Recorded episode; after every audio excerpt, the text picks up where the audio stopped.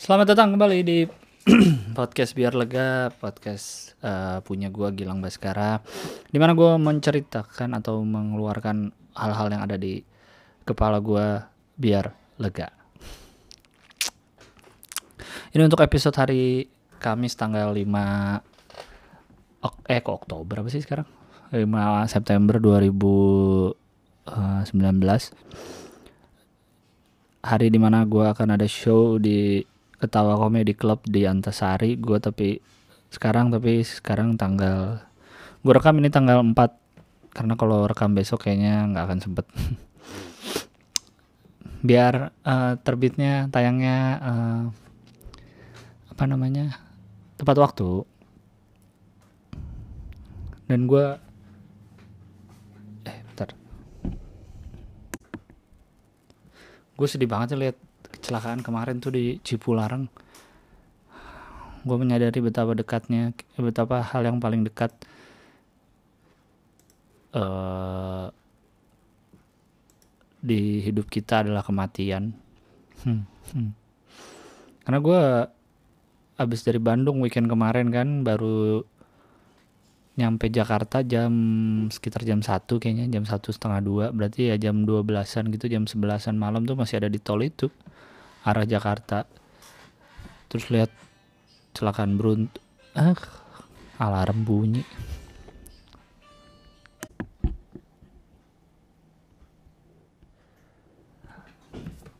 Gue paling itu gimana gitu gue kalau dengar kecelakaan karena remblong tuh kayak udah 2019 tapi truk sama bus kalau kecelakaan remblong masih sering aja masih sering aja kayak nggak pernah diantisipasi gitu. Dan lagian gue sebagai yang cukup sering bolak-balik Jakarta Bandung ya truk sama bis tuh di kanan mulu sering.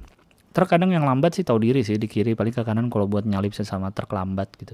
Tapi kalau bis wah kerjaannya di kanan mulu udah gitu ngebut. Dia kan gede ya ngebut kanan kiri kanan kiri pindah-pindah jalur serem bro. Kalau kalau bis tuh di, di Cipularang. Udah gitu kan Cipularang tuh aspalnya tuh jelek nggak rata. Beda kalau lu kayak kalau lu sering nyobain Cipularang dan nyobain apa namanya Cipularang dan Jagorawi gitu. Beda banget Jagorawi tuh udah melebar terus aspalnya halus banget. Enak gitu. Kalau Cipularang tuh belok-belok naik turun aspalnya nggak oke. Jadi emang sangat tricky untuk yang nggak tahu Medan di situ terus ngebut-ngebut.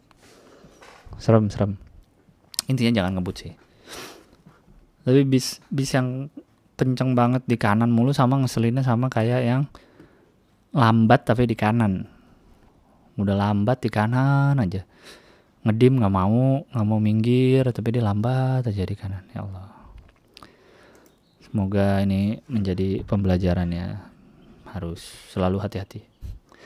Karena kadang kita hati-hati tapi orang lain. Karena kan kecelakaan itu kan eh, ada truk yang udah berhenti eh, kan truk pasir keguling terus yang lain udah berhenti terus dihajar lagi sama truk dari belakang yang yang blong remnya ya kalau kitanya sudah hati-hati tapi ada truk yang nabrak kan ya itu walau alam sih. Intinya adalah kitanya paling nggak hati-hati dulu dan banyak berdoa lah.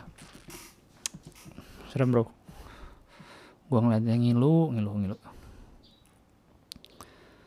Walaupun harusnya ya harusnya kita untuk bersyukur untuk ya untuk bersyukur tidak perlu melihat orang lain yang lebih susah dari kita dulu sih. Gue kadang-kadang sebel sih kalau ngeliat di Twitter di timeline tuh ngeliat ada dia foto pengemis lagi nggak punya rumah gitu misalkan tidur di dalam got terus kayak sudahkah kita bersyukur hari ini? Gitu kayak "Ah, harusnya sih kalau lo sering bersyukur gitu kayak lu nggak perlu lihat yang lebih susah dari lu dulu sih.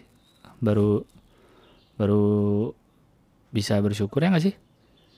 Masa lu harus lihat yang lebih miskin dulu lu harus lihat yang orang tidur di gerobak dulu baru lu merasa ya Allah terima kasih atas rumah yang sudah kumiliki selama puluhan tahun ini dan tidak pernah kusyukuri. Dan aku baru bersyukur saat sekali melihat orang tidur di gerobak gitu kayak wah, kayaknya enggak sih. Harusnya walaupun gue juga masih masih berusaha belajar untuk selalu bersyukur kapan pun gitu. Lu udah masih bisa melek lagi habis tidur aja tuh harusnya sudah bagian dari bersyukur gitu. Bagian dari rezeki yang harus kita syukuri setiap hari nggak perlu loh keluar ke jalan lihat yang lebih miskin dulu ngeliat yang lebih susah dulu baru bersyukur kayak dia mereka pada hidup tuh untuk hidup aja biasa gitu. Belum tentu mereka sedih gitu. Kayak kalau gua kalau lihat dulu acara jika aku menjadi gitu. Yang sedih mah hostnya. Kalau orang udah tinggal bertahun-tahun di desa kayak dulu di kampung nenek gue kalau mereka hidupnya happy happy aja kok mukanya gitu senyum seneng gitu. Nggak ada yang sedih-sedih setiap hari sambil ngebajak sawah gitu nangis gitu. Nggak ada kayaknya biasa aja. Yang sedih mah hostnya. Karena lo biasa hidup di kota ngeliat yang beda dikit lo merasa sedih. Padahal kalau dia yang udah tiap hari mungkin dari lahir di situ ya mungkin nggak sedih. Biasa aja gitu hanya hidup dan hanya mencari nafkah. Jadi mari kita sama-sama berusaha untuk selalu bersyukur. Gokil gue kayak sok motivasi. Nggak motivasi sih cuma ini gue ngingetin diri gue sendiri juga karena kadang suka suka kurang bersyukur juga. Apa ini gue pengen bahas apa tadi? Ya gue kan habis dari Bandung kemarin. Gue gue kan kuliah di Bandung dulu ya. Jadi gue terpapar terpapar Bandung dari kecil sih karena gue ibu gue kan orang Sunda terus banyak banyak keluarga di Bandung jadi udah sering ke Bandung dari kecil. Cuma terpapar Bandung yang intens adalah saat kuliah. Gue kuliah di Parahyangan kan di Cimbluit Proud. Basis Cimbluit. Gue sebagai pemakan rutin gembul dan kantin Harry dan lain-lain tuh ah, pasti tau lah yang orang-orang Cimbluit dan sekitarnya gitu dan Bandung tuh masih the best city sih. Jauh sih gue masih kalau bisa gue hidup di Bandung gak usah di Jakarta emang gue pengen di Bandung terus. Kayak walaupun sekarang emang susahnya adalah duitnya adanya di Jakarta masalahnya. Jadi kalau kalau bisa mah gue pengen di Bandung terus. Nggak pengen gue di di Jakarta dan balik lagi ke Jakarta gitu. Makanya gue masih sering ke Bandung. Uh, untuk sebulan tuh kayak adalah berapa hari gitu di di Bandung di Bandung. Nggak ngapa-ngapain nggak jalan-jalan juga tuh. Udah bukan buat jalan-jalan gitu untuk untuk hidup aja biasa gitu untuk makan tidur ketemu teman gitu. karena mak gue malah kalau ke Bandung nih makanan yang wajib gue makan malah bukan makanan Bandung ya. Ada warung Aceh ada Iga Maranu ada Aji Anom sama paling makanan Sunda Bu Imas menceritakan satu-satu ya kalau Bu Imas mungkin udah banyak yang tahu Bu Imas sudah dari zaman dulu itu ada deket-deket alun-alun tuh nama daerahnya apa gue lupa tuh. Balong gede atau apa gitu Bu Imas makanan Sunda kayak ampera tapi entah kenapa gue lebih suka Bu Imas sih. Favorit gue adalah gepuk telur dadar uh, bakwan jagung. Eh kalau kalau ampera pun gue juga sama sih menunya kurang lebih gitu. Bakwan jagung pakai sambelnya yang pedas jadi gue nyocol nyocol dikit karena takut sakit perut. Sama udah sih sama tahu atau tempe kadang-kadang. Tapi kadang lu suka bingung sih kalau makan kebanyakan lauk gitu kayak ada tahu ada dadarnya kayak suapan yang sekarang nih tahu dulu apa dadar dulu ya apa tempe dulu ngapain dipikirin ya? Tapi gue suka bingung gitu sih. Karena kalau mau digabung semuanya kayak kepenuhan tangan. Kayak gitulah. Yang kedua adalah yang pertama adalah warung uh, sih tadi udah yang berapa sih? Yang kedua. Yang kedua yang kalau gue ke Bandung harus makan adalah warung Aceh. Namanya warung Aceh. Acehnya tapi ATJEH itu ada di Saparua. Depan Saparua Jalan Ambon. Uh, depan Saparua. Dulunya di Jalan Ambon deket dulunya deket uh, yang sekarang jadi Depanas Dalam tuh Pandal. Jadi seberangnya Pandal dulu. Dulu tuh cuma gue tuh pertama kali ke warung Aceh tuh mungkin 2008 kali ya pas kuliah 2008 atau 2009 gitu. Karena dikenalkan sama temen gue yang emang uh, sekolah di Bandung di Yahya dulu SMA Yahya kan di Riau deket situ. Dia sekolah di situ. Dia sering makan ke warung Aceh situ. Akhirnya gue ke situ udahlah sejak 2008 atau 2009 itu sampai sekarang pasti gue ke situ mulu kalau ke Bandung menurut gue itu warung makanan Aceh terbaik sejauh ini yang gue coba. Gue coba di Jakarta gue coba jali-jali di Tebet kurang. Yang Kemang kurang gue udah paling suka yang di Bandung. Gue pernah waktu itu ke Medan diajak sama anak-anak makan di warung Aceh. Makanan Aceh yang katanya enak di Medan tapi gue juga nggak cocok sih. Gue udah wah, lidah gue sama warung Aceh cocok sama warung Aceh yang di Bandung dah itu. Menu favorit gue kalau nggak nasi goreng Aceh telur dan daging sapi atau mie tumis sama mie tumis Aceh, telur dan daging sapi. Mie tumis tuh jadi antara mie goreng dan mie kuah. Kalau mie goreng kan ya mie goreng, kalau mie rebus kan mie kuah tuh yang kuahnya sampai ya berkuah lah sampai tenggelam. Kalau mie tumis tuh kuahnya dikit jadi kayak becek gitu loh kayak nyemek. Itu enak banget warung Aceh. The best abangnya abang bang eh lupa gue namanya. Bang Fahrul kalau nggak salah. Yang di situ yang uh, brewokan. Udah banyak teman-teman gue yang downline gue yang gue kenalkan sama mie Aceh sama warung Aceh dan jadi langganan. Udah ada beberapa orang-orang yang gue kenalkan. Harusnya gue dapat komisi nih dari warung Aceh karena udah berapa orang tuh gue ajak ke situ dan jadi suka. Bahkan ada temen gue temen gue yang sering ke sana sama istrinya. Gara-gara gue kenalin dulu sih temen gue yang cowok kan gue kenalin ke warung Aceh dia jadi sering ke situ sampai sekarang. Istrinya hanya mau makan di situ kalau yang masak si abangnya. Kalau yang masak karyawannya nggak mau padahal menurut gue sih sama aja rasanya. Terus kan kalau di warung Aceh kan ada acar bawang gitu bawang bawang merah kan ada acarnya gitu. Yang warnanya kayak ungu-ungu gitu acar acar bawang. Uh, di situ tuh emang acar bawangnya enak sih. Kata dia tuh pakai cuka atau apa gitu yang beda jadi bikin enak gitu. Bahkan ada orang yang waktu itu gue ngobrol sama abangnya sempet kan lagi sepi abangnya duduk di meja gue sama temen gue ngobrol. Bahkan ada orang yang datang ke warung Aceh itu bukan nanya nasi goreng bukan nanya mie bukan nanya apa tapi dia nanya acar bawangnya masih ada nggak? Gitu. Kalau acar bawangnya nggak ada dia nggak mau makan. Jadi dia nggak peduli makanannya kayaknya. Yang penting acar bawangnya ada. Lagi dia cerita gitu nggak lama bener ada orang dateng ke warung Aceh terus nanya acar bawangnya masih ada? Ya luar biasa loh yang dicari acar bawang ya. Terus uh, dia ada menu khusus namanya ayam tangkap. Mungkin di banyak warung Aceh ada sih ayam tangkap.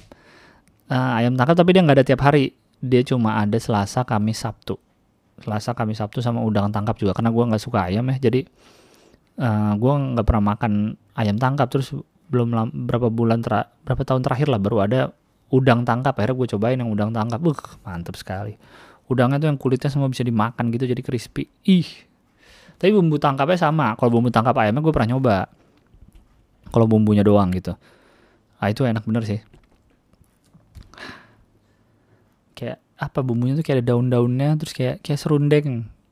Ah gitulah enak lah pokoknya. Pokoknya datang aja ke warung Aceh di di Saparua.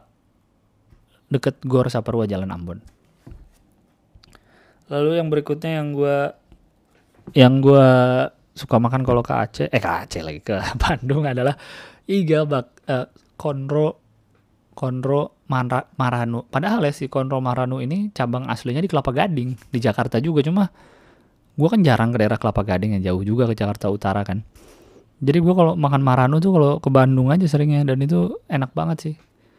Konro bakar gue selalu mesen konro bakar the best. Konro bakar marano. Ah uh, pisang hijaunya juga ih.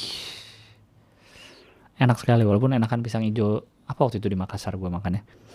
Enakan itu sih cuman sejauh ini kalau di non Makassar pisang hijau di Marano cihuy sih kalau kontrol bakarnya emang per satu porsinya agak mahal sih kayak 60 ribu apa 70 ribu gitu ya. Tapi lu dapat iga dua tulang dagingnya banyak dagingnya banyak tebel dan uh, lembut. Gampang copot lu potong lu pakai sendok aja juga bisa lu potong dari tulang tuh langsung lepas gitu loh. Cerak cerak cerak. Ih. Kontrol bakar Marano the best. Satu lagi yang gue selalu makan di Bandung adalah makanan Bali malah. Namanya Aji Anom Anji Anom itu dia jualannya uh, cuma tiga menunya. Eh, tapi sekarang ada seafood sih. Dulu dia tuh baru buka 2008 ternyata setelah gue ngobrol sama Anjinya yang punya. Gue nyobain berarti berarti waktu kan gue kuliah 2007 ya. Berarti waktu itu gue coba tuh dia masih baru-baru eh dia buka 2006 sorry kalau nggak salah 2006 2006 2008 ya dah dulu itulah pokoknya nggak jauh dari gue masuk kuliah berarti waktu dulu gue kuliah makan di situ tuh itu baru-baru buka berarti waktu itu. Dia uh, jualannya adalah ya khas Bali ayam betutu bebek betutu sama iga bakar kambing tapi. Kayaknya gue karena gue kan gak suka unggas nggak terlalu suka unggas ya jadi ayam bebek gue nggak makan. Jadi ya dari awal gue ke situ yang gue makan hanyalah iga bakar kambing. Dan kayaknya itu gue makan iga kambing pertama dan satu-satunya ya di Aji Anum kayaknya deh. Gue di tempat makan lain belum pernah nemu iga kambing sih. Selalu iga sapi. Jadi iga kambing tuh tulangnya kecil-kecil gitu nggak kayak sapi kan besar-besar. Dan itu enak bener bro. Dia dia dia dikasih dua sambal, satu sambal sambal matah gitu ya. yang bawang gitu-gitu satu lagi sambal kecap dua-duanya pedas ya iyalah yang udah makanan Bali begitu pakai sambal gitu emang pedas dua-duanya dan gue kan sebagai orang yang perutnya tuh sensitif bener ya. Gue tuh bukan gak suka makanan pedas tapi gue males sakit perut setelahnya gitu. Itu adalah salah satu makanan yang worth it worth the stomach cake gitu. Worth the pain. Jadi gue nggak apa-apa makan itu walaupun sakit perut karena menurut gue enak sih enak banget. Jadi gue itu dong tadi makanan-makanan yang sering gue makan tuh. Aji Anom di di apa tuh namanya ya? Jalannya deket deket DU Haji Wasit kalau nggak salah. Haji Wasit Wasit bukan Wasit referee ya. Haji Wasit. Uh, deket taman yang segitiga situ tuh. Taman gue lupa namanya. Taman aduh malas buka maps. Taman Panata Yuda kalau nggak salah ya deket situ. Di depan situ ada sekolah sekolah Islam gitu gue lupa apa namanya. Pokoknya deket situ deh. Cari aja lah di semua nama-nama yang gue sebutkan ada di Google Maps semua lah J Anom itu sih makanan-makanan yang gue makan kalau kalau ke Bandung gitu. Apalagi ya? Kayak cuan kisrayu tuh makanan turis banget males gue tuh penuh banget soalnya itu udah tujuan turis gitu orang-orang tuh pasti makan ke situ. Kayak warung lela. Warung lela juga enak sebenarnya cuma ya itu tujuan turis juga rame bakso paling gue suka apa ya? Di gue ada tuh bakso rusuk salmon hudi enak. Dan gue cukup suka bakso semar sih. Bakso semar kan banyak cabangnya. Ada beberapa orang yang kurang cocok tapi gue enak sih bakso semar gue seneng. Yaminnya bentuknya kayak Indomie ya minyak tuh kayak Indomie bentuknya. Tapi kalau yamin yamin di Bandung menurut gue yang enak selain warung lela enak. Satu lagi adalah bakmi apin. Bakmi apin di Sukajadi deket PVJ rasa baksonya mungkin ya standar lah rasa bakso. Tapi mie yaminnya gue suka banget tekstur yang tau gak sih lo yang minyak tipis-tipis? Bukan tipis. Minyak bulat biasa tapi nggak tebel kecil tipis. Minyak kecil minyak tipis. Ya itulah. Pokoknya minyak kecil-kecil enak. Gue gue seneng seneng banget sama bakmi apin tuh cihoy bakmi apin. Terus apa lagi ya? Bakmi naripan bakmi naripan lumayan lah. Gue tapi nggak pernah makan lagi sih. Kayak nggak nggak tertarik untuk balik lagi gitu bakmi naripan sate sate Maulana Yusuf tentu saja the best in business kalau untuk yang sate tradisional ya sate biasa sapi, ayam, kambing, terus bumbu kecap, uh, kacang biasa itu adalah uh, uh, Maulana Yusuf di di Jalan Maulana Yusuf dekat dekat Dukomsel, dekat Dago tuh, dekat itu kalau nggak salah depannya gereja ya, gereja Maulana Yusuf ya dekat situlah. Satenya besar-besar, uh, lumayan mahal sih emang satu tusuknya tuh dua ribu apa tiga ribu gitu kan lumayan untuk sebuah sate gitu. Tapi emang gede-gede banget. Dan lu kayaknya kan kalau makan, aduh sorry, kalau makan sate biasa kan kayak 10 tusuk gitu. Kalau ini 10 tusuk lu udah kenyang banget sih karena gede-gede banget. Jadi kadang gue pesan 5 tusuk doang juga udah kenyang gitu karena kita belinya per tusuk. Jadi lu bisa gabung kayak misalnya mau dua ayam, dua sapi, dua kambing gitu. Enaknya gitu. Dan bumbunya dikasihnya bumbu kacang doang. Jadi abis itu kita custom sendiri mau tambahin cengek, mau tambahin bawang, mau tambahin uh, kecap, aduk-aduk sendiri gitu. Di situ juga ada tahu pakai aci apa ya namanya ya? tahu gimbal ya ah itulah pokoknya enak lah pokoknya gue kalau ke Bandung kerjanya makan lah emang emang untuk untuk makan gitu ke Bandung terus apalagi satu oh satu lagi ada yang enak sate DJ kalau sate DJ untuk yang semi taichan kalau lu suka sate yang sate yang tanpa bumbu kacang gitu jadi kalau sate DJ lu mesennya kalau yang favorit gue adalah sate ayam asin asin sedang kalau nggak salah deh. Udah lama juga gue nggak makan sate DJ tuh. Sate ayam asin sedang. Jadi satenya kayak semi kayaknya digoreng dulu sebelum dibakar deh. Gue nggak tahu. Jadi agak-agak crispy gitu. Jadi nggak pakai bumbu. Ya boleh kalau lo mau ngecapin. Cuma dia satenya kering. Agak putih dagingnya masih putih gitu. Yang gue biasa tuh satenya udah dikasih pedes tapi sedang pedesnya. Jadi nggak yang pedes banget. Jadi itu yang sering gue beli tuh uh, asin asin sedang kalau nggak salah dia kan nah beda beda sama kebalikan sama Maulana Yusuf kalau kalau sate DJ tuh justru kecil banget satu tusuknya. Lu sendiri mungkin bisa makan 20 kali satu orang. sendirian 20 30 mungkin lu bisa makan karena kecil-kecil banget satenya jadi agak kris nggak crispy sih kering lah kering gitu. Kalau mau bumbu kacang sih kalau nggak salah bisa juga. Di situ kan dia ada kambing juga. Gue pernah nyobain sih yang kambing tapi kayak jadi kurang kurang enak aja. Kalau itu menurut gue cocoknya ayam. Kalau sate DJ menurut gue ya. Kalau Maulana Yusuf cocok semua menurut gue mau sapi enak ayam enak kambing enak enak semua lah. Terus apa lagi ya?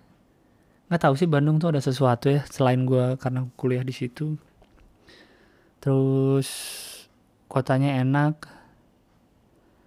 Nggak um, terlalu jauh ke mana-mana gitu. Kayak gue dari rumah gue nih yang di Jakarta nih di Jaksel 8 kilo tuh baru nyampe Kuningan lah. 8 kilo baru nyampe Kuningan atau baru nyampe Senayan lah 8 kilo tuh. Kalau di Bandung 8 kilo tuh udah ngebelah Bandung loh. Udah dari atas sampai bawah banget gitu 8 kilo tuh. Udah mau selesai Bandung lo jelajahi gitu gue kalau daerah selatan gue jarang ini sih jarang mau eksplor gue mah daerah-daerah atas aja lah. Terus sekarang kan suka jadi jadi satu arah. Kalau nggak salah kan ya Cipaganti jadi ke bawah arahnya jadi sama kayak Ciampelas gue belum ke daerah-daerah itu lagi sih. Gue beberapa kali ke Bandung terakhir nggak pernah ngelewatin daerah situ gue males lah. Gue pokoknya karena ke Bandung bukan buat jalan-jalan kan bukan turis gue maksudnya. Ke Bandung tuh bukan buat menjadi turis. Jadi gue menghindari tempat-tempat rame turis gitu. Gue selalu menghindari jam pelas menghindari suka jadi PVJ gue udah lama banget gak ke PVJ sekarang gue kayaknya kalau di Bandung mau ke mall ya ke mall kan juga paling uh, ke mall kan paling juga buat apa namanya nonton paling gue nggak ke keco atau sesuatu yang emang harus dicari di mall gitu. Paling ke Pascal Pascal 23 atau apa ya terakhir ke mall ya, di Bandung. Bahkan gue udah lupa terakhir ke mall di Bandung di mana. Pokoknya gue menghindari mall-mall turis seperti Ciwok PVJ itu mall-mall turis. Entah kenapa lah. Orang-orang seneng banget ke mall orang orang Jakarta malah udah sampai Bandung ke mall lagi ah ada aja deh.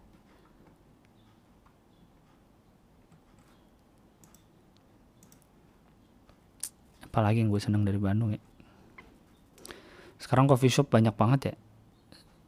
Ada kok tempat oh ada satu lagi tempat kopi. Tempat kopi yang udah lumayan ini bukan coffee shop baru sih. Coffee shop coffee shop udah cukup lama di Bandung juga kayaknya udah dari tahun berapa gitu gue juga udah lumayan sering. Dulu gue lumayan sering situ cuma kemarin baru baru ke situ lagi. Yaitu adalah warung kopi Purnama. Di ya nama jalannya apa lupa gue deket alun-alun ABC kalau nggak salah. Jalan ABC itu yang banyak orang jual uh, elektronik sama kamera tua. Situ tuh warung kopi Purnama tuh. Jadi dia warung Cina Medan kalau nggak salah. Cina dan kopi susunya dari dulu gue kalau situ selalu sering beli kopi susu tuh sebelum es kopi susu menjadi ngetren tuh dia udah duluan tuh es kopi Purnama tuh. Dan emang udah enak dari dulu es kopi susunya. Makanan juga banyak sebenarnya tapi gue ke situ nggak pernah makan sih. Maksudnya gue ke situ nggak pernah makan berat yang selalu gue pesan roti gulung sosis yang emang recommended menunya. Tapi kalau makan berat entah kenapa gue belum pernah. Jadi maksudnya gue tujuan gue ke warung kopi Purnama tuh selalu untuk nyemil gitu untuk ngopi untuk santai. Nggak pernah untuk makan berat langsung ah ke kopi purnama ah nggak pernah kayaknya kayaknya untuk uh, santai-santainya gitu. Parkirannya agak susah sih kalau masih siang karena kan nyampur sama pasar ABC ya jalan ABC situlah jadi parkirannya agak rame kalau siang. Jadi mendingan uh, agak sore ke malam lah. Sore ke malam tuh parkirannya udah mulai sepi di depannya. Ya kalau kalau belum bawa mobil ya kalau bawa motor sih atau naik angkot parkirnya kayak lebih lebih santai sih lebih gampang. Oh satu lagi yang sering gue makan di Bandung adalah tentu saja The Legendary Legoh punyanya Kang siapa? Leon. Coil eh Leon kan namanya ya? Iya. Uh, Legoh masih emang nggak serame dulu sih bener Legoh gue habis nonton yang sama uh, Otong Kang Otong di Soleh Soleh interview emang nggak serame dulu uh, Legoh. Tapi gue masih suka kalau gue sekarang favorit gue adalah sapi rica. Sapi rica sambal matah. Udah dapet kol goreng. Ih karsinogenik karsinogenik. Enak tuh enak. Lah gue juga hampir semua enak sih. Gue pernah pesen lelenya enak nasi goreng hitam enak nasi goreng roa enak. Kayaknya hampir semua enak dah. Ya gitulah. Walaupun ke Bandung tuh menurut gue udah makin macet ya udah dari lama sih. Udah makin panas Bandung beda sama gue awal-awal kuliah tuh. Awal-awal kuliah tuh masih bisa stylish ya karena kota yang dingin menghasilkan warga yang stylish ya nggak? Karena pakai sweater di double lagi ada out ada outernya pakai kaos sama outer. Wah jadinya lebih gaya-gaya gitu uh, orang-orangnya. Dulu masih bisa tuh pagi pakai sweater pakai double double gitu masih bisa keren. Sampai siang juga masih nggak gerah. Sekarang udah cukup nggak cukup sih. Panas Bandung emang panas sekarang. Uh, dan macet gitu. Dan kayaknya belum ada nggak tahu sih waktu habis Kang Emil dan Kang Emil sekarang juga udah pindah jadi gubernur nggak ada. Belum gue belum merasakan perubahan yang signifikan di soal kemacetan atau soal transportasi umum sih. Angkot masih gitu-gitu aja dari dulu. Gue kuliah naik angkot uh, belum ada yang gimana banget gitu. Dan bis-bisnya juga belum banyak kayaknya. Halte-halte Transmetro Bandung tuh banyak yang terbengkalai gue nggak ngerti tuh. Gue belum pernah gue di Bandung seringnya naik angkot sih belum pernah gue sama sekali naik bis kecuali naik Damri waktu dulu ke ke arah mana ya? Buah bat eh Muhammad Toha apa tapi masih Damri yang dulu yang masih buluk belum Damri sekarang. Tapi gue belum pernah lagi naik bis setelahnya naik angkot mulu gitu. Tahu tuh banyak soalnya gue sering lihat banyak halte Transmetro Bandung tuh yang terbengkalai gitu. Jadi gue nggak tahu tuh sebenarnya berfungsi apa gimana nggak ngerti lah. Udah gitu menurut gue bisnya kan ada bisnya tuh kan segede bis Transjakarta ya menurut gue untuk di beberapa ruas jalan Bandung tuh kurang cocok sih. Karena Bandung kan banyak jalannya kecil-kecil. Bayangin bis gede gitu dari DU lewat jalan apa tuh yang kecil tuh di Bandung tuh? Uh, Hasanuddin ya? Sebelah DU tuh yang sebelah Unpad gue lupa lah itu. Terus belok ke Dago. Dago juga hitungannya kecil segitu. Kayaknya yang lebar di Bandung tuh ya paling jalan Suci itu cocok tuh ada bis sebesar itu. Uh, iya Suci cocok. Kalau kayaknya harusnya bisa jangan yang segede gitu kali ya yang agak kecilan dikit tapi banyak. Kalau yang segede gitu sulit. Itu kayak bis kalau bis Transjakarta tuh feeder tuh yang 6N tuh 6N yang Ragunan Blok M. Lewat Kemang. Itu bisa besar Kemang kecil sekali Kemang Raya jalannya sulit sulit belok. Kayak harus disesuaikan sama jumlah bisnya sih. Itu sih paling gue kayak belum merasakan uh, perubahan di bidang transportasi dan angkutan umum di Bandung gitu Nah udah, gue mau membacakan email yang uh, makin banyak kayaknya makin hari. Kayak karena gue suruh email ya jadi makin banyak ya. Nah gue bacain ya. Cukup banyak email kali ini ya. Ada berapa nih? 6, 16. Ya Allah banyak bener. Ya gue bacain aja lah ya.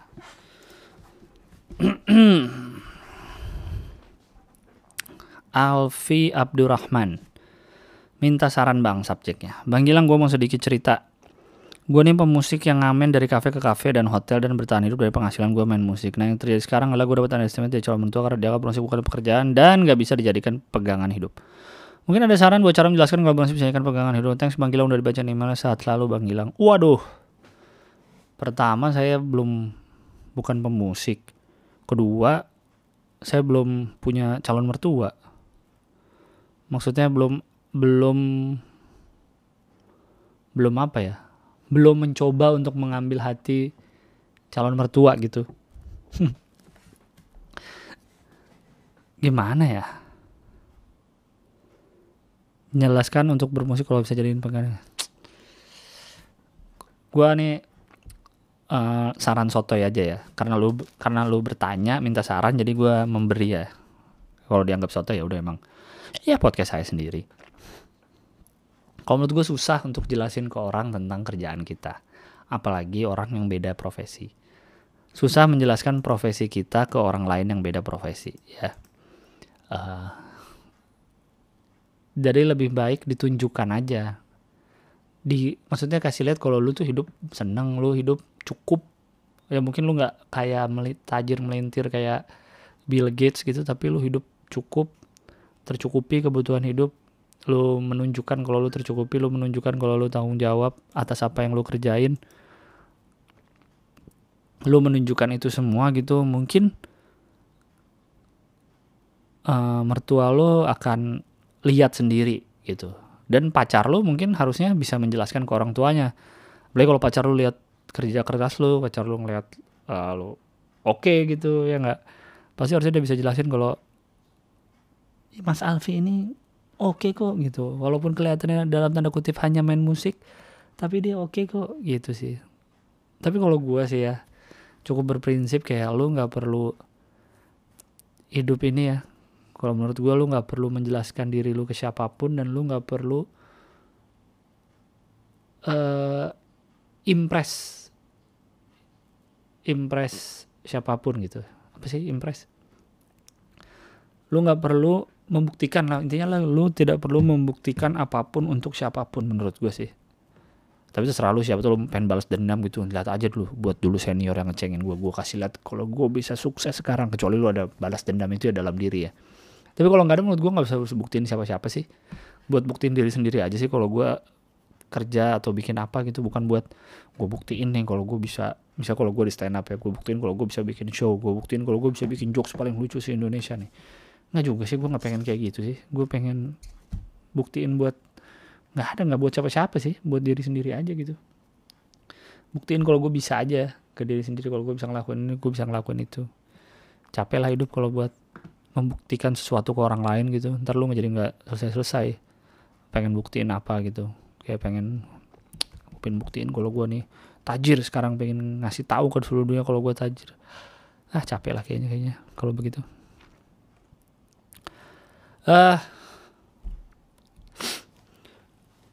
Fahmi Rizaldi Bang mau ikut nimbrung nyalurin pikiran biar lega. Aku salah satu pendengar dari awal nih podcast ada lumayan jadi pengganti radio buat teman perjalanan yang lama-lama isinya cuma informasi kecelakaan sama bapak-bapak ngomel kebi protes kebijakan pemerintah. ah itu malu dengerinnya El Sinta kali. Sumpah gue dari kecil juga udah terpapar sama El Sinta itu karena kalau gue di mobil dulu waktu kaki gue masih ada ya kaki gue tuh kan sampai tua masih aktif nyetir. Radio dia isinya sudah pasti El Sinta radio dia isinya udah pasti El Sinta. Kalau sama bokap juga sering El Sinta. Walaupun nggak selalu sering, tapi kalau sama kakek gue dulu tuh seringnya selalunya tuh El Sinta. Jadi isinya ya itu bener info kecelakaan, info lalu lintas, transfer di telepon. Terus eh, bener bawa bapak ngomel di telepon gitu. Apalagi kalau ada narasumbernya misalnya lagi bahas jalan jelek terus ada narasumber dari dinas PU gitu. Oh bawa bapak isinya marah-marah doang. Iya bener bener bener kadang kalau di El Sinta tuh ya, info lalu lintas tuh misalnya ada kecelakaan nih, ada yang lapor SMS, saya melihat kecelakaan di jalan Tamrin misalkan. Nanti si orang yang lapor bisa ditelepon sama El Sinta tuh. Bapak lihat udah gitu ditanyain detail banget. Kadang ditanya, "Bapak sempat lihat plat nomornya nggak?" Ya Allah, orang cuma lewat. Kita cuma lewat lihat kecelakaan terus kita laporin ke El Sinta. Gimana bisa lihat plat nomor? Kocak. Aku mau nyalurin pikiran random aja nih bang. Siapa tahu nemu jawabannya. Aku pernah mikir kenapa anak pang yang sering nongkrong di lampu merah jarang ada yang berewokan. Padahal kayaknya mereka jarang mandi. Males mandi tapi rajin cukur berewokan. Itu aja bang, monggo ditanggepin. Suwun bang. Menurut gua karena mungkin emang dia nggak tumbuh aja kali brewoknya ya.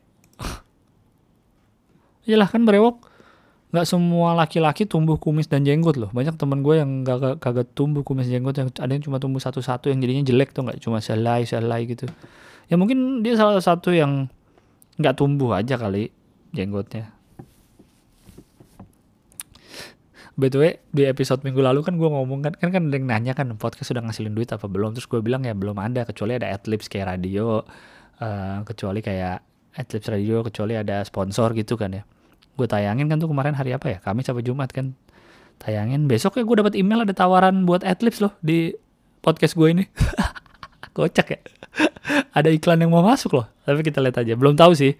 Jadi kalau kalian ntar suatu saat dengar podcast ini ada iklannya berarti iklan yang kemarin email tuh deal sama gue jadi kalau kalian ingin memakai ya nggak ada yang belum belum ada iklan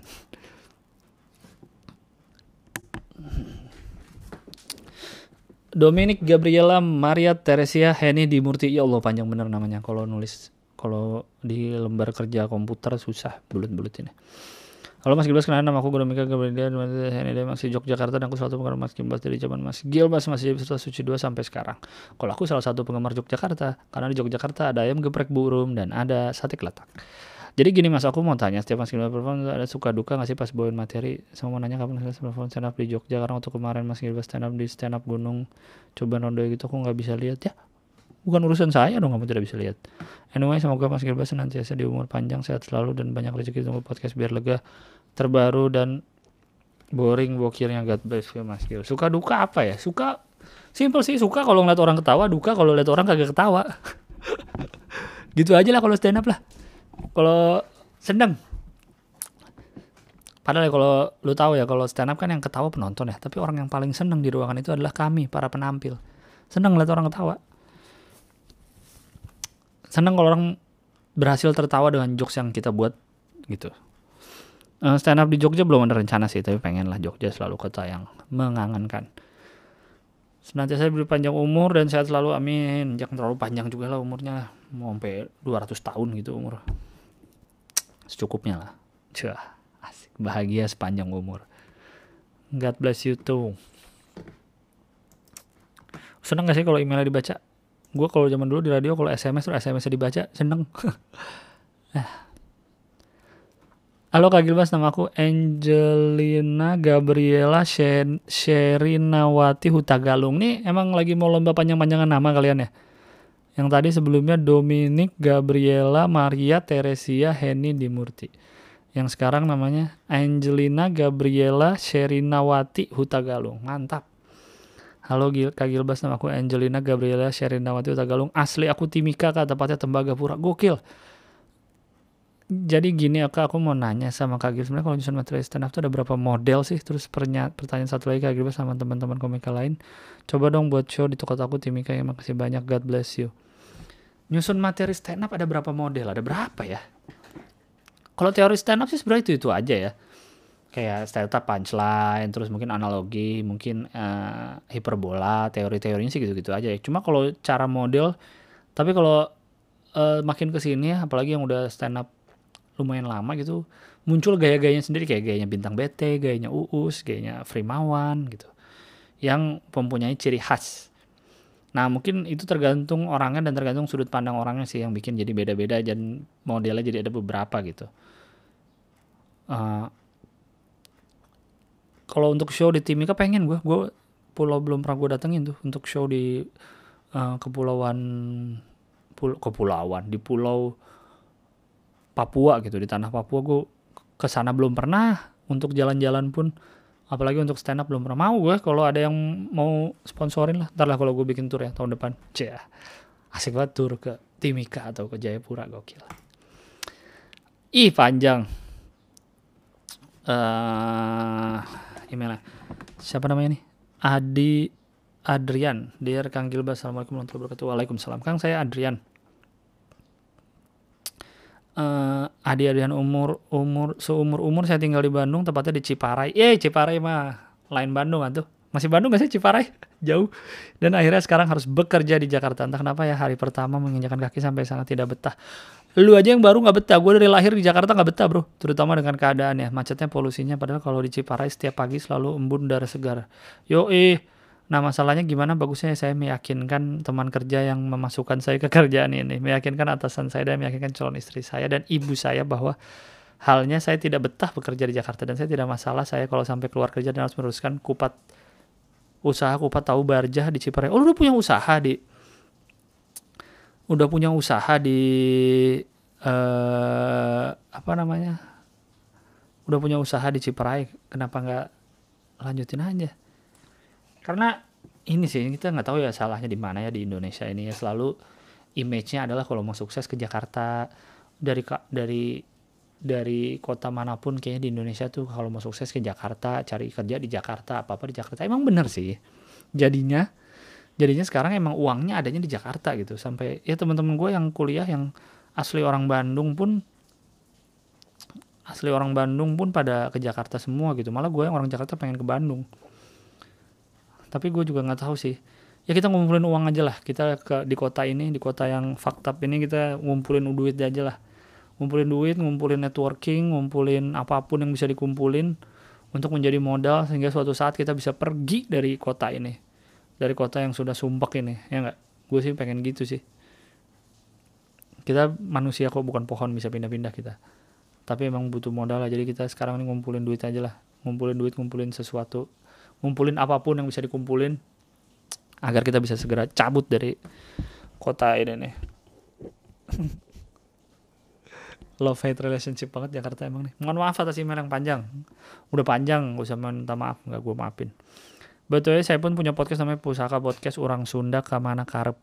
Pusaka Podcast Orang Sunda Kamana Karep ya bisa lah dipanjangin tuh. Siapa tahu Kang Iblis berkenan mendengarkan ataupun orang Sunda yang ingin mendengarkan podcast full orang Sunda dengan bahasa Sunda yang cawokah.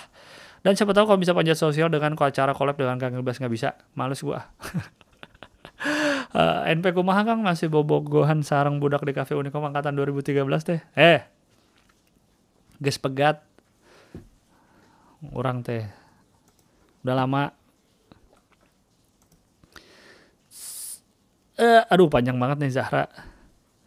Zahra Cap Zahra Capricorn Girl balik lagi dia email Zahra Capricorn Girl. Aduh panjang benar tapi emailnya nih. Aduh gue males bacanya tapi ya udah deh baca deh. Siapa suruh gue nyuruh nyuruh orang ngirim email Assalamualaikum Bang Ilbas. Waalaikumsalam Bang Gilang Waalaikumsalam. Gue ngirim email ke podcast lo lagi nih. Biar bukan cuma lo aja yang cerita di podcast ini supaya lo nya lega tapi pendengar juga ngirim email ke podcast ini biar lega juga. Sebut aja ini simbiosis mutualisme iya lo yang cerita biar lega betul. Tapi kan gue yang bacain jadi gue yang kering mulutnya. Gue mau cerita kalau tahun depan gue akan masuk ke usia 25 tahun. Banyak artikel yang gue baca dan beberapa yang bilang kalau di 25 tahun itu akan mulai quarter life crisis banyak hal yang berubah dari diri kita khususnya pola pikir. Kita akan lebih memikirkan suatu hal atau memandang kasus secara visioner dan lebih kritis ya. Usia gue sekarang menjelang 25 menyadari beberapa hal yang sengaja dan tidak sengaja berubah dari gue contoh kecil genre musik berubah novel romance sekarang gue mulai bosan dengan novel genre tersebut. Asik baca pas SD tertarik baca buku self improvement dan thriller. Wajar. Sama halnya dengan musik selera berubah. Dari yang genre yang fit to itu gue suka dengerin lagu pop rock dan hip hop. Sekarang gue di tempat umum lagu kesukaan gue diputar tempat itu ada anak-anak SMP lagu itu nyanyi gue ngerasa risih. Karena selera gue wajar sih. Gue pikir emang lagu dengan genre pop dan hip hop lebih sering didengar oleh anak-anak remaja. So that's why I change my genre. Gue saat ini memilih lagu dengerin blues, indies, klasik, dan mungkin kurang suka anak-anak SMP, SMA.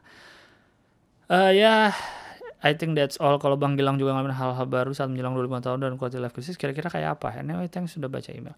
Memang sengaja dipanjangin bikin 5 paragraf supaya nanti pas gue ngirim email berikutnya panjangnya satu bab lo udah semakin enjoy. Wassalam, adios. Makasih banyak loh Zahra Capricorn Girl. Uh, gue kayaknya life crisis bahkan dari sebelum 25 sih. Pas udah mulai 20 21 tuh gue kayak ngerasa uh, ulang tahun udah nggak enjoyable lagi. Maksudnya bukan nggak enjoyable sih gue udah nggak looking forward to my birthday my birthday gitu. Kayak udah nggak excited lagi menunggu ulang tahun. Kayak ulang tahun udah hal biasa ya ulang tahun gitu. Uh, selera musik berubah. Mungkin gue juga merasa selera musik gue berubah yang buku kesukaan gue berubah yang gue baca juga sama tuh. Self improvement gue juga udah mulai dari umur-umur segitu kayak gue beli deh tentang cara menjadi kreatif tentang yang gitu-gitu.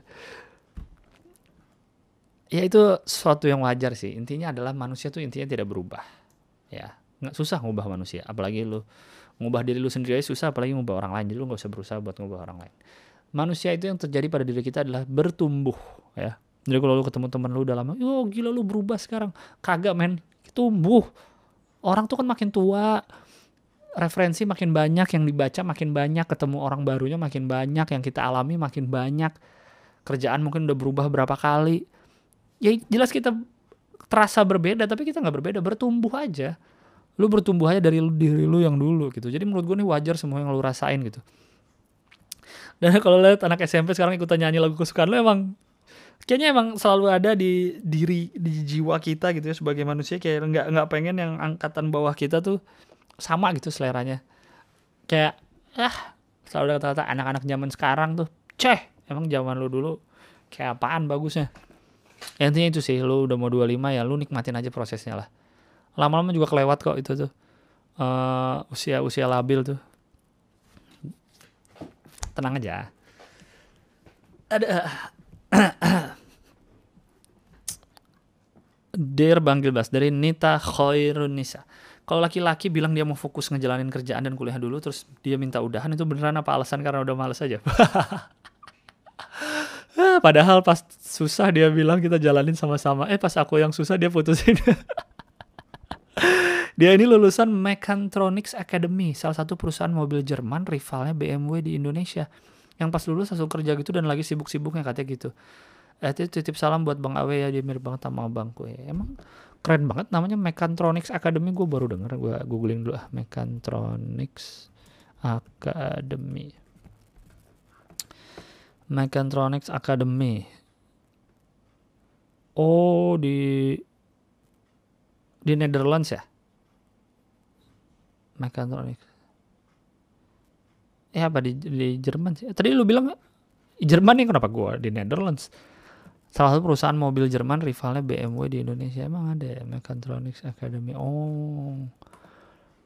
Kalau menurut saya ya sebagai laki-laki mau fokus ngejalanin kerjaan dan kuliahnya dulu gitu, terus dia minta udahan. Kayaknya enggak sih. Sorry nih, kayaknya ya menurut menurut gua mah uh, fokus kerjaan fokus kerjaan dan kuliah terus dia minta udahan enggak sih enggak sih kayaknya menurut gue emang dia emang pengen udahan aja gitu. Itu kebetulan dia lagi sibuk juga sekarang jadi itu bisa dijadikan alasan. Karena dia kayaknya emang udah pengen udahan aja. Kan kalau kata orang kan kalau tidak ada yang tidak sempat yang ada tuh adalah tidak disempetin gitu. Ya mungkin emang lu nggak disempetin aja sengaja sama dia. Sorry ya Nita kayaknya sih gitu sih. Ana N lanjut. Uh, this is my fourth email. Thank you as always for reading my email every single time I send it. I hope you're not sick of any question I ask. No I'm sick. Lol I I have another question. What podcast do you listen to? Any recommendation for good podcast? I'd be so happy if you could answer my question again. Your biggest fan. Cila big pentok biggest fan. Podcast yang gue dengerin. Uh, 30 Days of Lunch rapot tentu saya nomor satu rapot sih. Nomor satu rapot Reza Candika. Reza Ankaradini. Eh Reza Ankaradini Abigail. Nah itu rapot. Terus 30 Days of Lunch. Asumsi bersuara kadang-kadang. Uh, Magna Talks. Magna Talks asik banget. Eh uh, apalagi ya? Udah sih kemarin gue baru dengan podcastnya Awe tuh podcast seminggu sama Pican temennya. Anjing lucu banget sih Pican sorry ya Awe tapi Pican lucu banget. Terus itu sih podcast podcast itu doang sih sisanya interview soleh-solehin interview uh, ngobamnya Gofar Hilman yang gitu-gitu ya kalau yang ngobrol-ngobrol. Podcast itu aja sih paling. Sama podcast awal minggu tentu saja dong Adriano Kolbi saya sudah dengar dari sejak lama itu dari pas di SoundCloud. Satu-satunya alasan gue download SoundCloud di HP dulu tuh adalah untuk dengar podcast awal minggu. Buat apa lagi gue punya SoundCloud? Pengen curhat biar lega aja sih dari MRFHD wah ini kayak MKBHD nih Halo bang, gue pengen curhat biar lega. Jadi waktu 2013, 2014 SMP atau SMK gitu gue kenal seorang dari sosmed. Nah waktu itu kan sama-sama pubertas zaman zamannya pacaran kenalan dari sosmed. Pokoknya sekitar tiga bulan mungkin kita tuh udah lumayan kenal lah. Dan setelah tiga bulan kita udah jarang chat. Nah sekitar tiga bulan kita udah lumayan kenal. Dan setelah tiga bulan itu udah jarang chat. Oh sampai sekarang gue kuliah semester 5 tuh masih demen aja sama dia. Anehnya gue nggak pernah mau ngobain perasaan gue.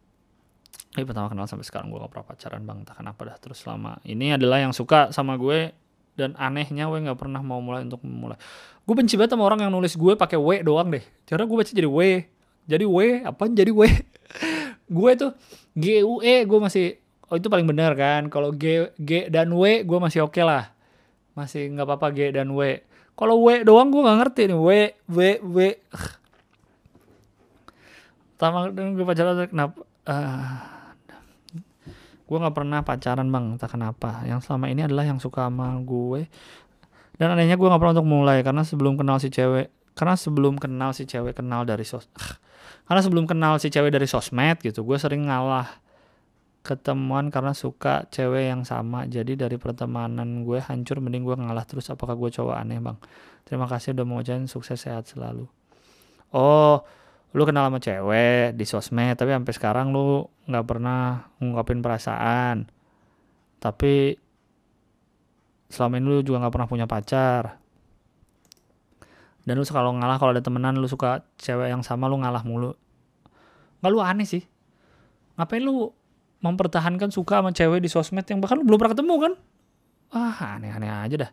Kok bisa ya begitu ya?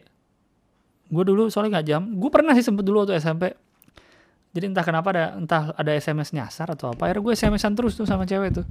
Gue nggak pernah ketemu orang ya kalau nggak salah dia temannya teman gue pas SMP tapi gue belum pernah ketemu tapi SMS-an emang seru sih kayak eh, ada cewek nih. Tapi itu kan serunya hanya seru di kepala kita karena kita belum pernah ketemu sama orangnya. Mending lu ketemu dulu dah sama si yang cewek yang udah tiga bulan itu tuh. Daripada lu merasa lu suka dia suka tapi padahal kan belum tentu. Bisa jadi dia cowok. Eh nggak mungkin ya dari sosmed ya. Kalau gue dari sms dulu bisa jadi cowok sih. Kalau dari sosmed kelihatan fotonya ya. Ya mending ketemuan dulu lah. Lu ngerasa suka ntar aneh-aneh aja lagi nggak pernah ketemu.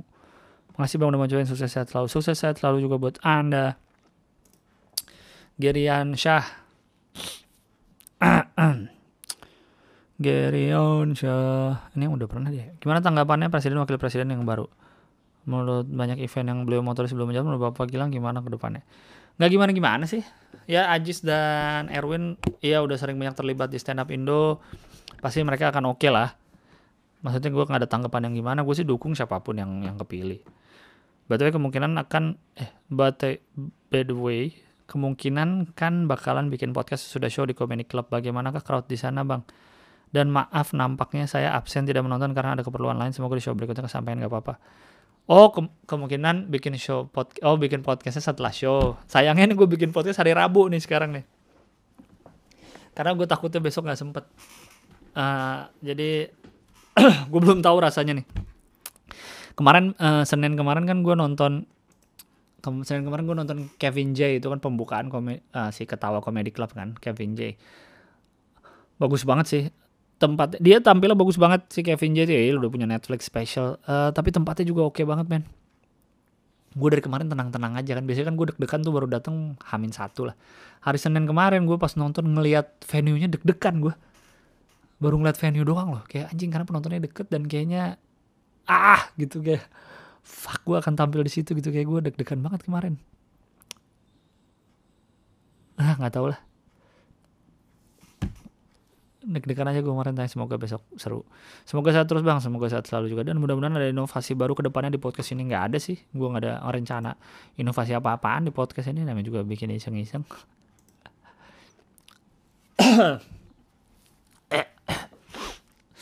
Ada nggak ada minum lagi. Assalamualaikum bang. Putri Arifin 27 kenapa ada 27 nya oh tanggal lahir pasti Hai, gue mau ngucapin terima kasih banyak udah bikin podcast ya podcast menghibur dan gue saat lagi ngerjain tugas sekolah. Menghiburnya apaan ya? Gue kayaknya isinya gitu-gitu doang.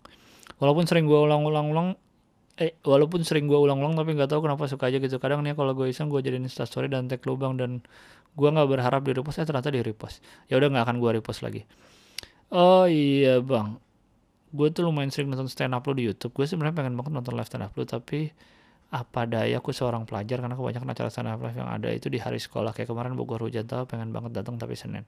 Doain ya bang gue udah kelas 12 semoga digampangin semuanya. Amin amin amin amin. Digampangin semoga semuanya digampangin.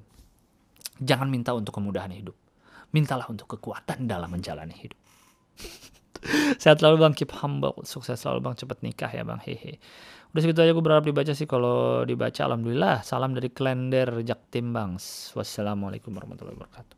Nggak juga sih sebenarnya acara stand up uh, sering juga weekend. Cuma emang kemarin kebetulan emang Bogor konsepnya tiap Senin kayak komika Mandai Marketnya Panji.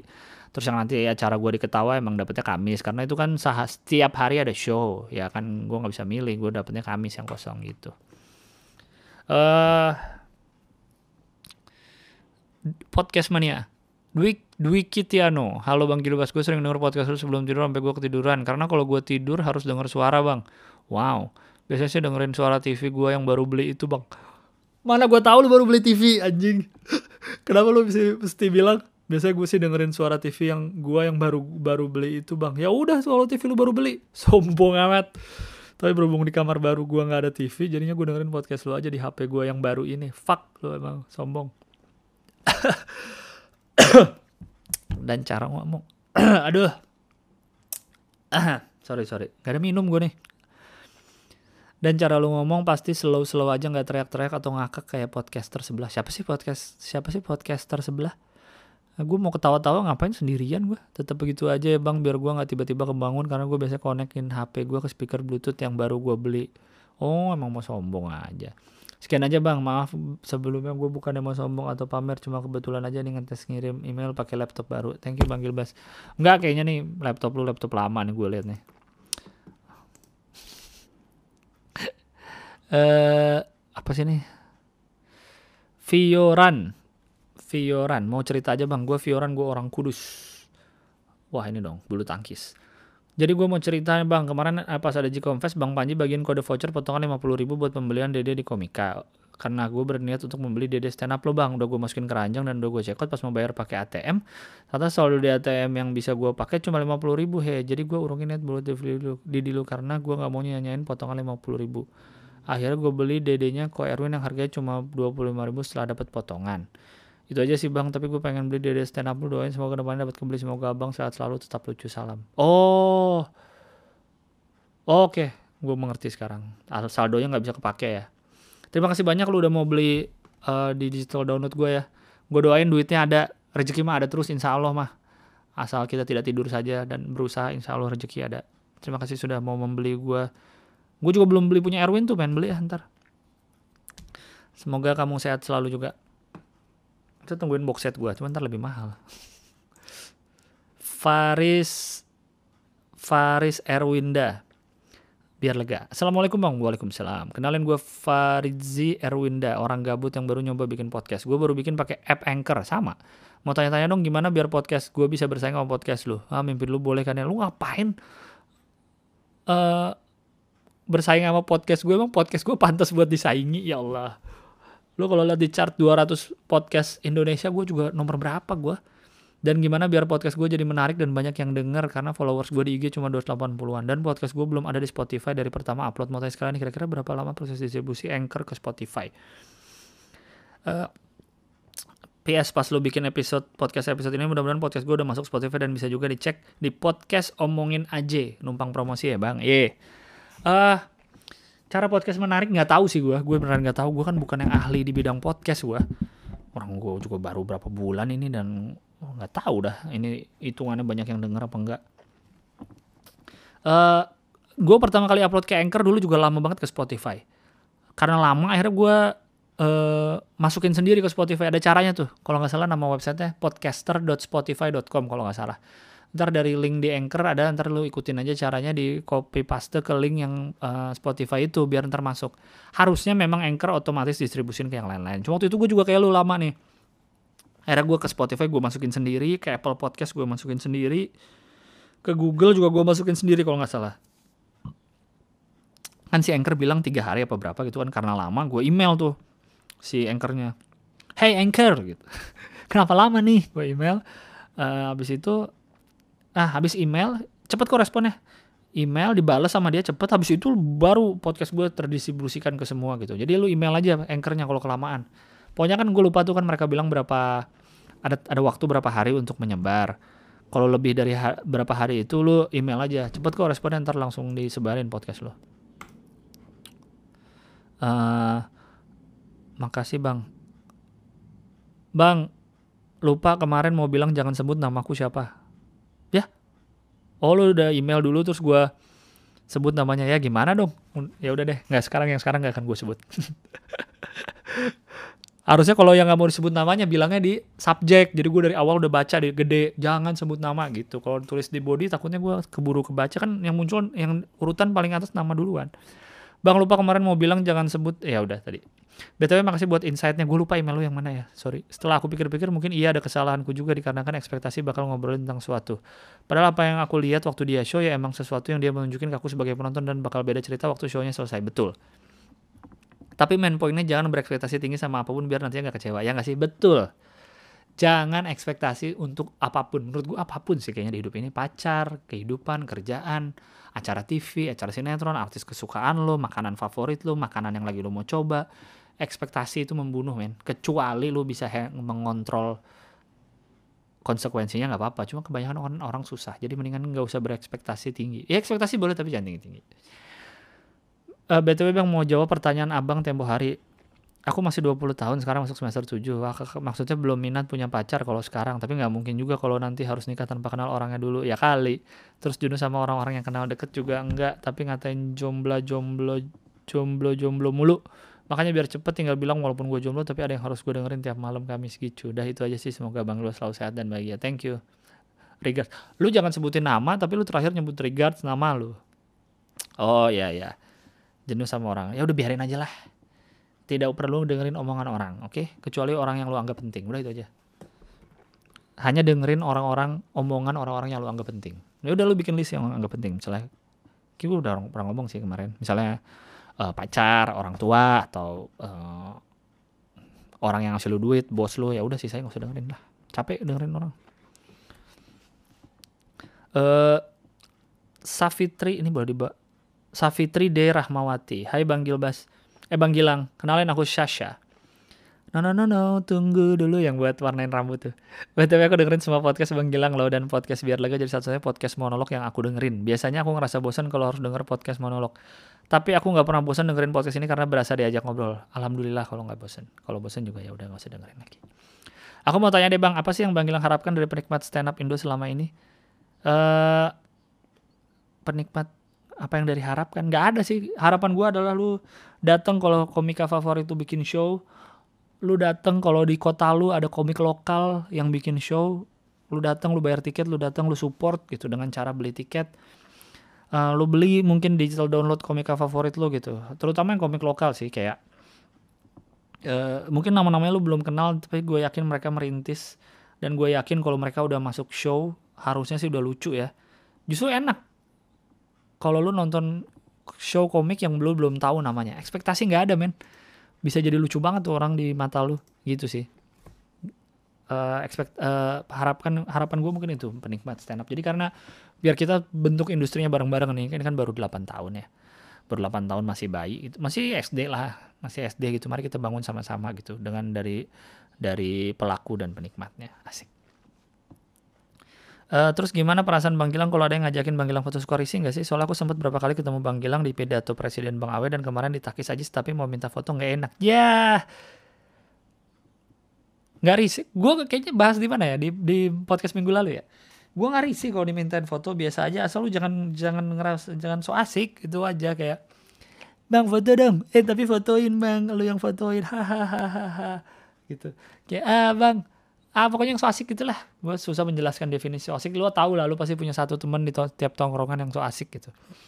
Biasa aja minta foto ayo gue Eh, dan gue biasa gayanya gitu-gitu aja sih siapa tahu kalau ada yang itu kan tangan gue selalu ke belakang karena gue takut kalau nggak diminta gitu takut kalau misalnya ngerangkul atau apa kalau nggak diminta gue nggak enak gitu. Jadi jadi kalau mau foto terus minta gaya apa gitu gue sih mau aja sebenarnya cuma gue kalau nunggu disuruh nunggu diminta.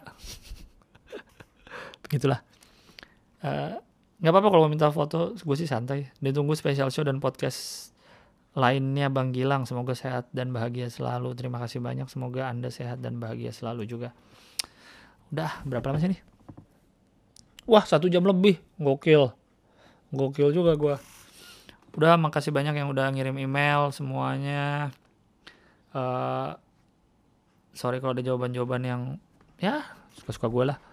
Podcast gue sendiri. Silakan kalau ada yang mau ngirim email lagi ke podcast biar lega at gmail.com Ah, itu aja sih paling ya. Eh, jangan lupa apaan ya? Jangan lupa apaan ya? Kenapa gue ngomong jangan lupa ya? Sampai jumpa besok tanggal 5 September yang datang ke Ketawa Comedy Club. Sampai ketemu besok. Eh, kita seru-seruan di sana um, udah itu aja. Sampai jumpa di podcast berikutnya di episode berikutnya oke? Okay. dadah. Dadah.